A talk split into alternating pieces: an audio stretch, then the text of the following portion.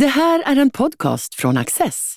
Du hittar fler av våra program på access.se och på Youtube. Mycket nöje! I antologin Radikalism och avantgarde, Sverige 1947 till 1967 samlas röster som Yvonne Hirdman, Tobias Hübinette, Kalle Lind och Svante Nordin. Syftet är att försöka förstå hur svenskarna uppfattade eldens återsken från andra världskrigets Europa och hur de såg på sig själva. Redaktörerna Christian Abrahamsson och Torbjörn Elensky samtalar med Erik Jersenius om ett verk i svensk självrannsakan. Eh, I den här antologin så har ni ju samlat drygt 20 forskare, experter, skribenter eh, som med olika perspektiv beskriver Sverige under perioden 1947 till 1967. Och eh, det är bidrag från en hel del namnkunniga personer får man säga. Eh, Yvonne Hirdman, Tobias Hübinette, Edvard Blom, David Thurfjell, Svante Nordin bland andra. Eh, hur kom ni egentligen på idén att ni skulle göra den här antologin? Jag satt på en middag bredvid Andreas Johansson Heine som ju är förlagschef på Timbro förlag. Och så sa jag, men är det inte så att det var väldigt spännande de här 20 åren innan 68? Och så räknade jag upp alla saker som hände då, all avantgardistisk konst, alla tekniska genombrott, alla sociala förändringar, den ekonomiska utvecklingen. Och så sa han, ja, vad kul, kan inte du skriva om det?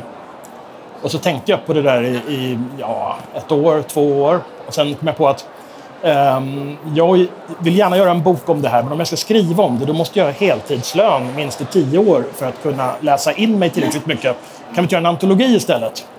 Så har jag en kompis som heter Christian som är mycket kunnig som kan vara med och göra. Och så fick vi ja. Vi har fått fantastiskt nog helt fria händer. Jag har valt alla skribenter helt fritt och det gör mig verkligen särskilt glad, ska jag säga, och tror jag gäller dig också, att det finns ju en del skribenter här som kanske egentligen inte i verkligheten skulle vara vänner och somliga som, som nog är, om jag säger så, Timbrofrämmande.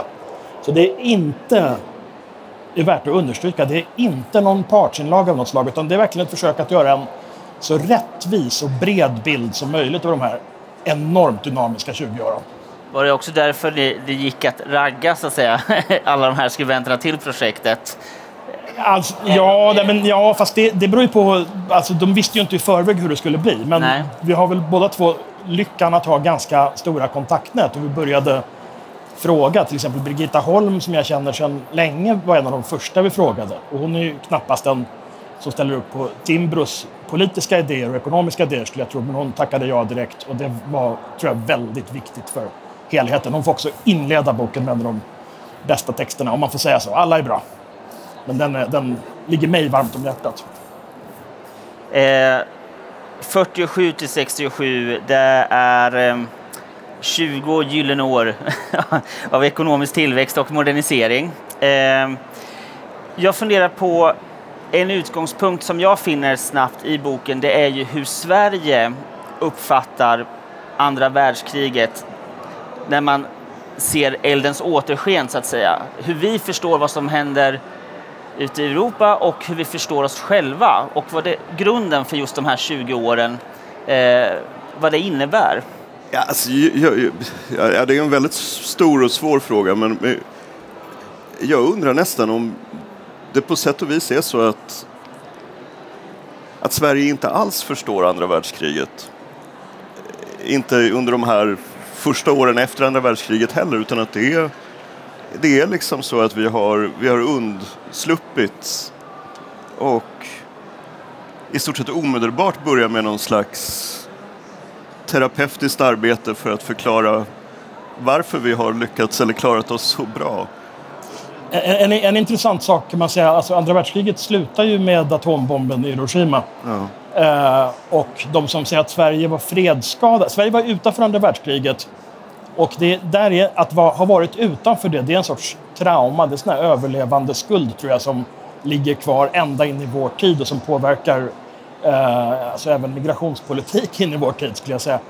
Men det intressanta under, under 50 och 60-talet är att Sverige är ju enormt militariserat. Vi satsar enorma summor på försvaret. Eh, utvecklar jetplan, vilket inget annat land i vår storleksordning gör i världen. Och vi gör det gång på gång på gång på gång. Vi bygger bunkrar eh, i en omfattning som bara, bara Schweiz i Europa har fler bunkrar, tror jag. Ja, kanske Albanien, men det är en annan historia.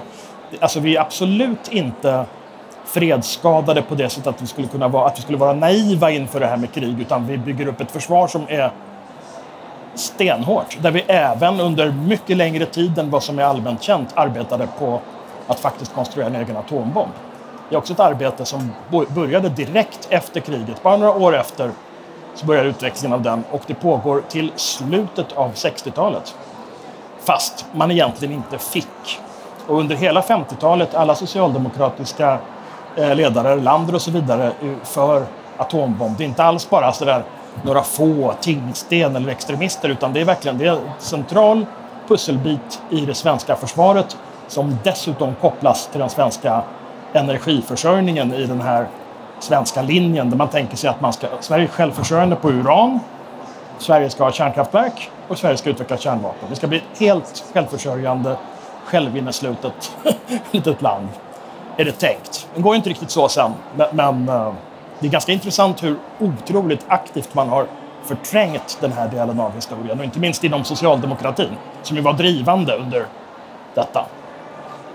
Just energifrågan är ju också intressant nu, eh, för jag tänkte också på det när jag läste om det, så att säga, eh, självförsörjande på uran eh, och sen har vi haft en helt annan kärnkraftsdebatt långt efter 67 förstås, men, men eh, det är också det säger ju kanske någonting om eh, hur, hur, Sverige har förändrats, eller just det där brottet från 67 och framåt. Eh, vilken typ av samhälle man byggde då och vad vi har byggt därefter. Ja, det gör det ju absolut. Absolut. Och det är ju på något sätt precis, skulle jag säga, efter den här epoken men också delvis som en följd av den som brottet sker. För det hänger ihop också med den samhällsplanering, den, de enorma utbildningsreformerna man gör och så vidare. Det sker ju ett generationsskifte 67, 68.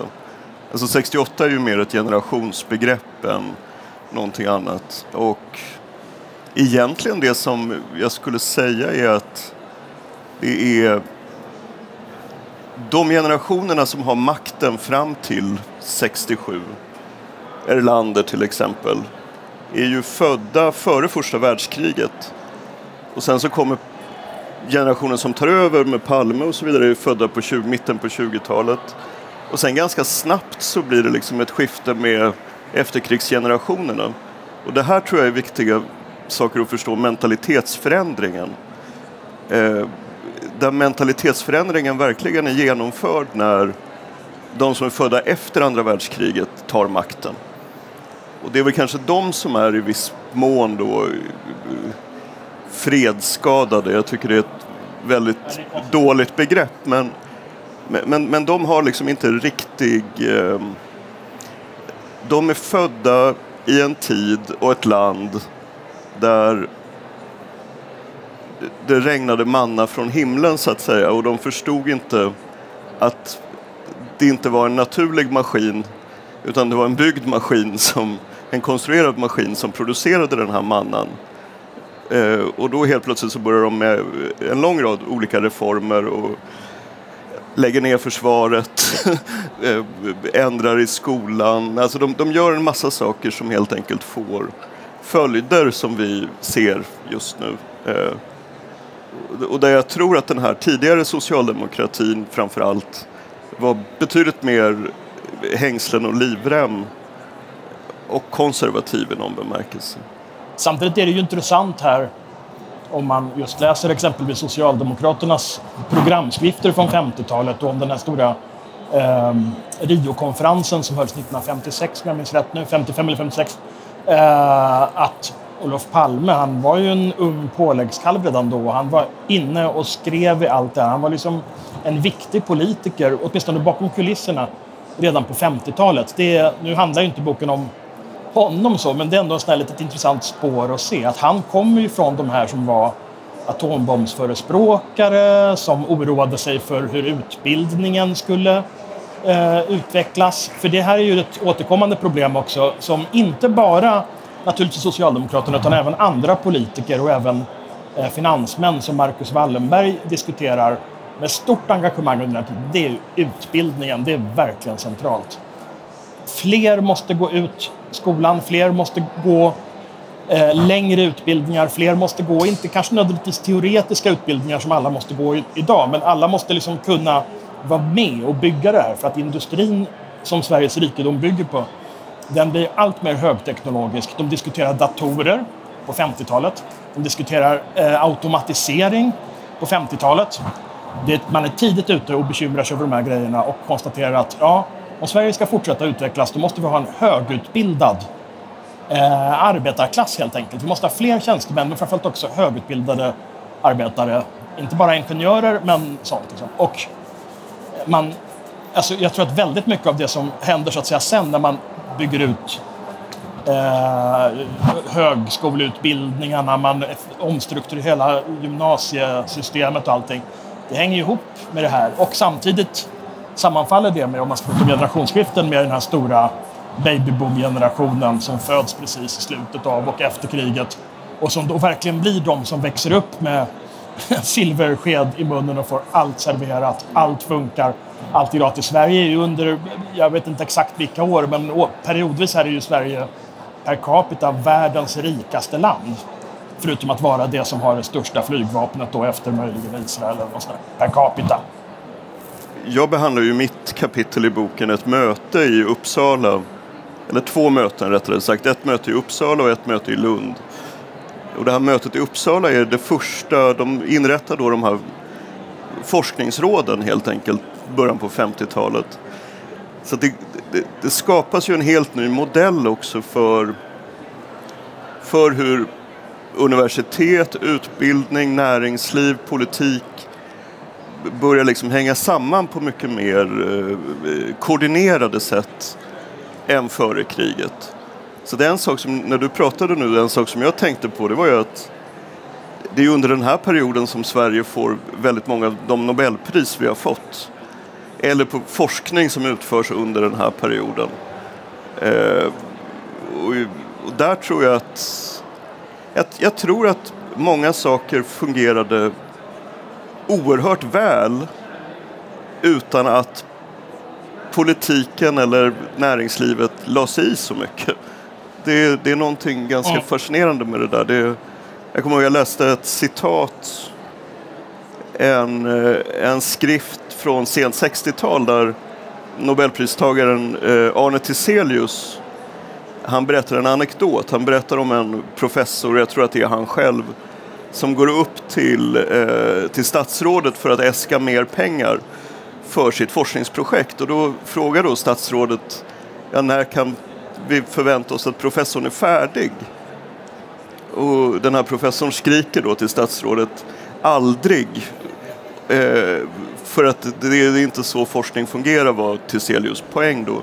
Men att de här banden var mycket närmare. Jag tror att vi hade ett mycket mer välfungerande elitskikt under de här åren också. Mycket mer välfungerande och också väldigt litet får man väldigt säga. Litet, det, och det gäller ju litet. även inom det... kulturliv, forskning, allting. Alltså det är ju...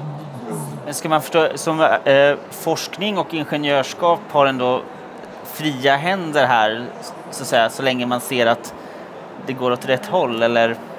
Jag skulle säga, det, det, var jag, det är min uppfattning, ja. att de hade betydligt mer fria händer. Om man pratar om Hans Zetterbergs olika idéer om sfärer, olika skilda sfärer i samhället så är det ju tydligt, för mig i varje fall, att det politiken genom socialdemokratin gör Eh, under efterkrigstiden det är att eh, liksom försöka kontrollera sfär efter sfär efter sfär.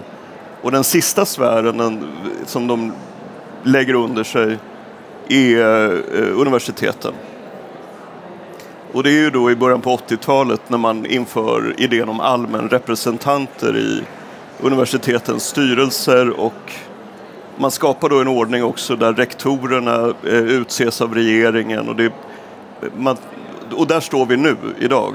Alltså att vi har inte självständiga universitet alls längre. Eh, så att, men under den här tiden var de det i allra högsta grad. Eh, en viktig om vi tar på kulturområdet, alltså eh, inom andra områden också förstås, men jag tänker just på eh, traditionsbrottet, eller brottet ja. med traditionen. Vi har liksom debatter här. Gunnar Ekelöf, han håller fast vid att vi kommer inte undan traditioner, vi måste bevara det. Men sen har vi då andra mer kulturradikala element som Artur Lundqvist som då finner Dostojevskij oläsbar. Eh, och jag tycker det är också intressant den här kopplingen till eh, arkitekturen, alltså de här stora rivningarna som sker i Sverige, många städer i Sverige som nu förstås handlar också om att man har gamla och dåliga bostäder.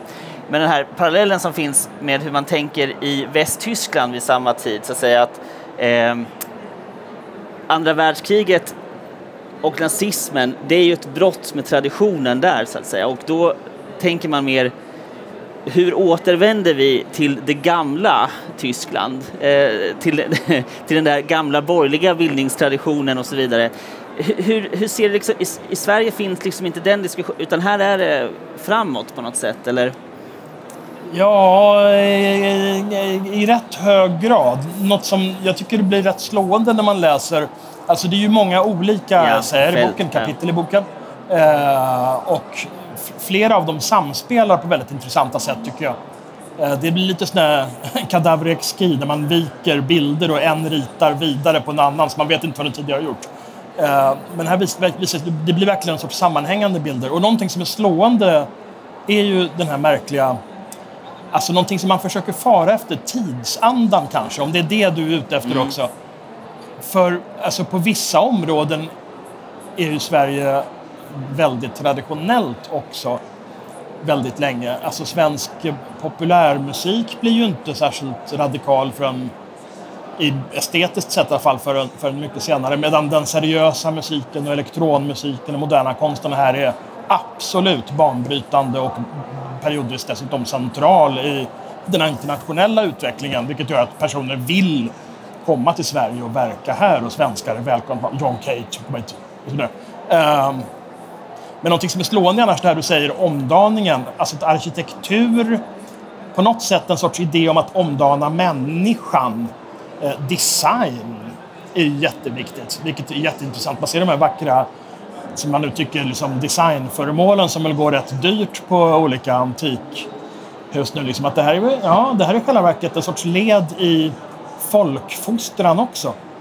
Som bryter med traditionen, men som, vill jag också säga, egentligen har en ganska gammal tradition. För under mellankrigstiden fanns ju också det här idealet. Eller hur? Att både arkitektur och design och samhällsplanering ska göra så att folk lever och får bra. Och före första världskriget, esplanadsystemet, vad är detta? Man river för att få uh, ljus och luft.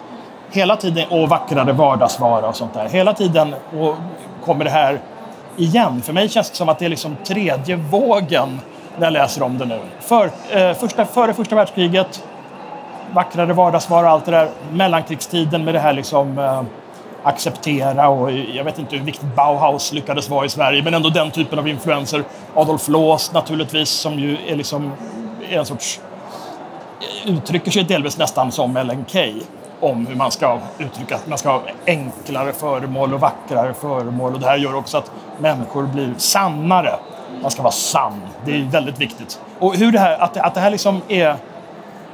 Det, det, känns ju inte som att det är myndigheterna som trycker på folk det här. Varifrån kommer den tidsandan? Det tycker jag är jättespännande. För det är ändå väldigt påtagligt. Så en sak som man bör hålla i, i, i minnet här är att Sverige under den här perioden är ju ett nyrikt land. Det är ju ett väldigt, väldigt få decennier som Sverige har varit ett ett land med en befolkning som har kunnat konsumera och som har kunnat bo, bo rent, eh, snyggt, eh, ljust och så vidare. Så att jag tror att det är en väldigt viktig del i mentaliteten och i tidsandan är på något sätt att städa undan all smuts i hörnen. Eh, och det ska gå snabbt. Städa Lort-Sverige så att säga? Ja, städa Lort-Sverige jag, alltså jag tänker också lite grann på de här folkbildningstankarna. Det handlar ju också om att uppfostra en befolkning i vad som är vackert, vad som är rätt, eh, hur man beter sig. Det, jag menar, vi, vi passerar 50-50 gränsen, jag tror att det är 1950, och då är, bor hälften av befolkningen i eh, tätorter, städer och hälften bor på landet. Och det här är ju väldigt, väldigt sent om man jämför med en del andra länder i, i Europa som urbaniseras mycket, mycket tidigare och mycket kraftigare än vad Sverige urbaniseras. Så att, eh, det är så man måste betrakta också, tror jag, miljonprogrammet. Och, Eh, jag kommer ihåg en historia som är väldigt intressant. Efter kriget så möttes eh, socialdemokrater framför allt från eh, Tyskland och de nordiska länderna hade olika möten i Stockholm. Och det handlade då väldigt mycket om hur man skulle göra för att undvika att fascismen växer fram igen. Och då en av de sakerna som de pratar om, de pratar om det här på riktigt, är att gemensamma tvättstugor är en lösning mot fascism eller mot nationalsocialism.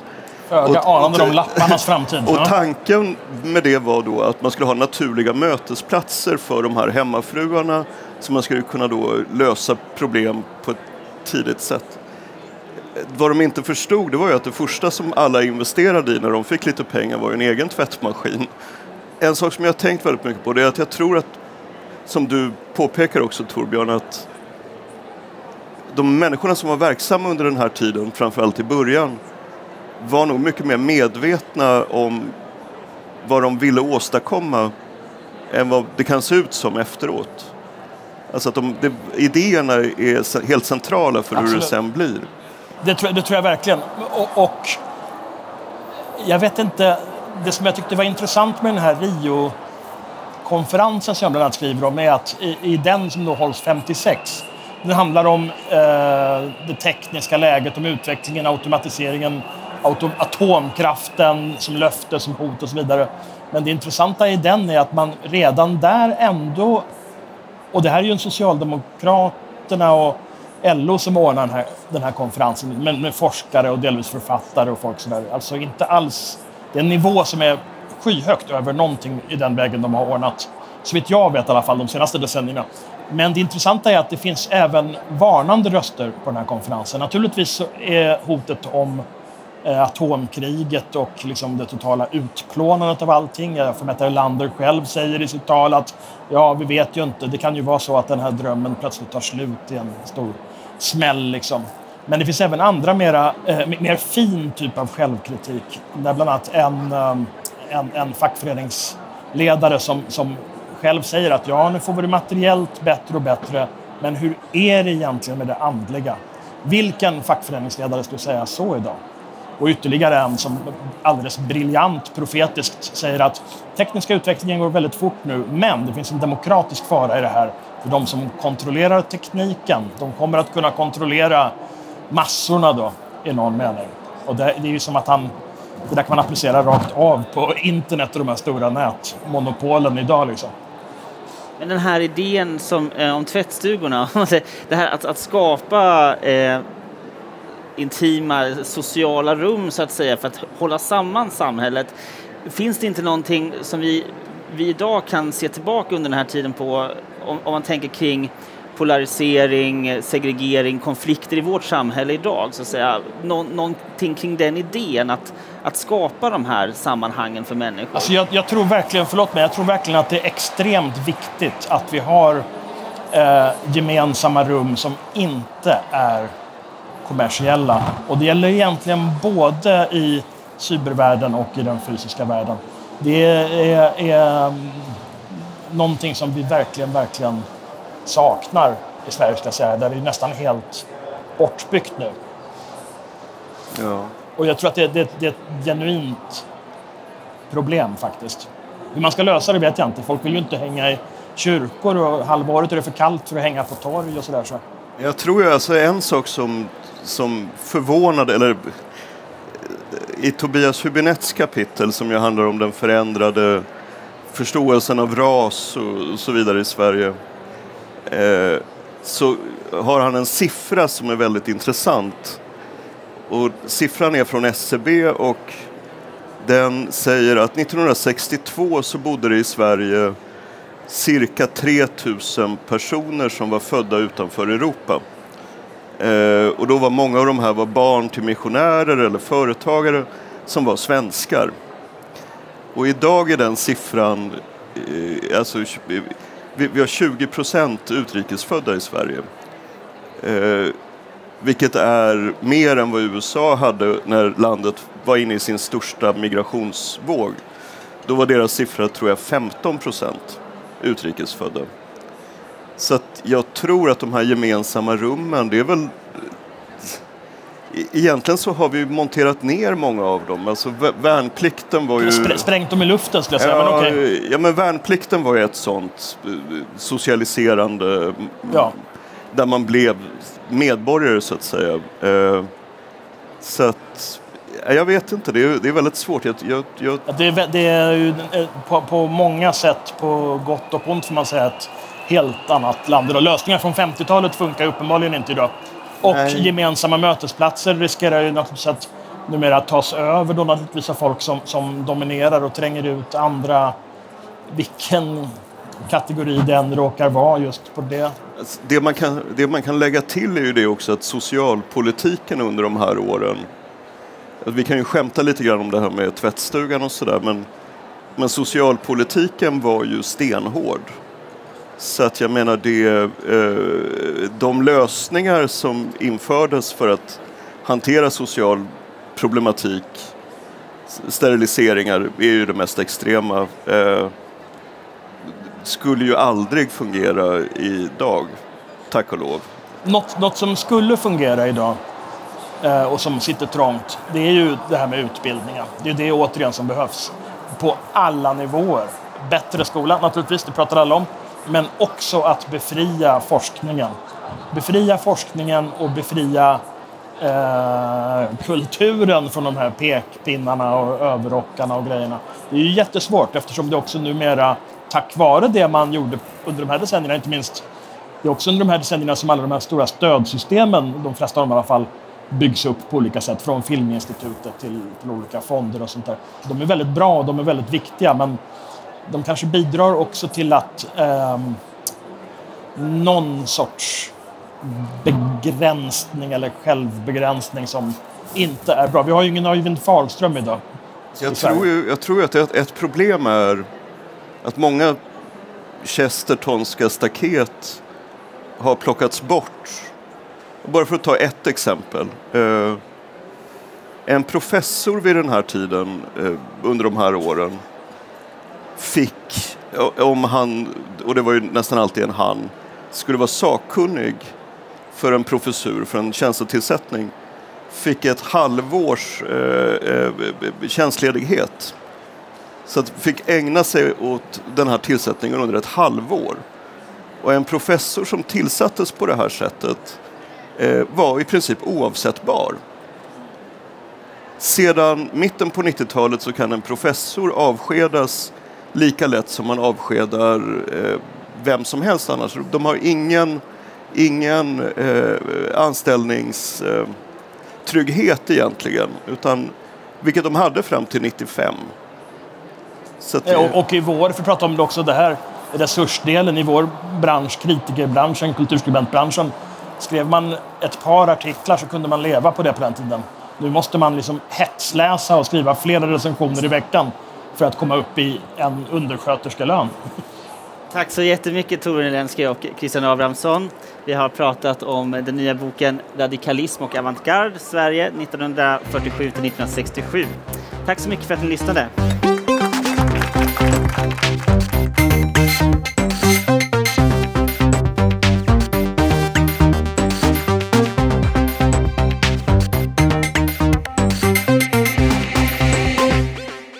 Har just lyssnat på en podcast från Access. Du vet väl att vi också är en tv-kanal och tidning? Teckna en prenumeration idag på access.se.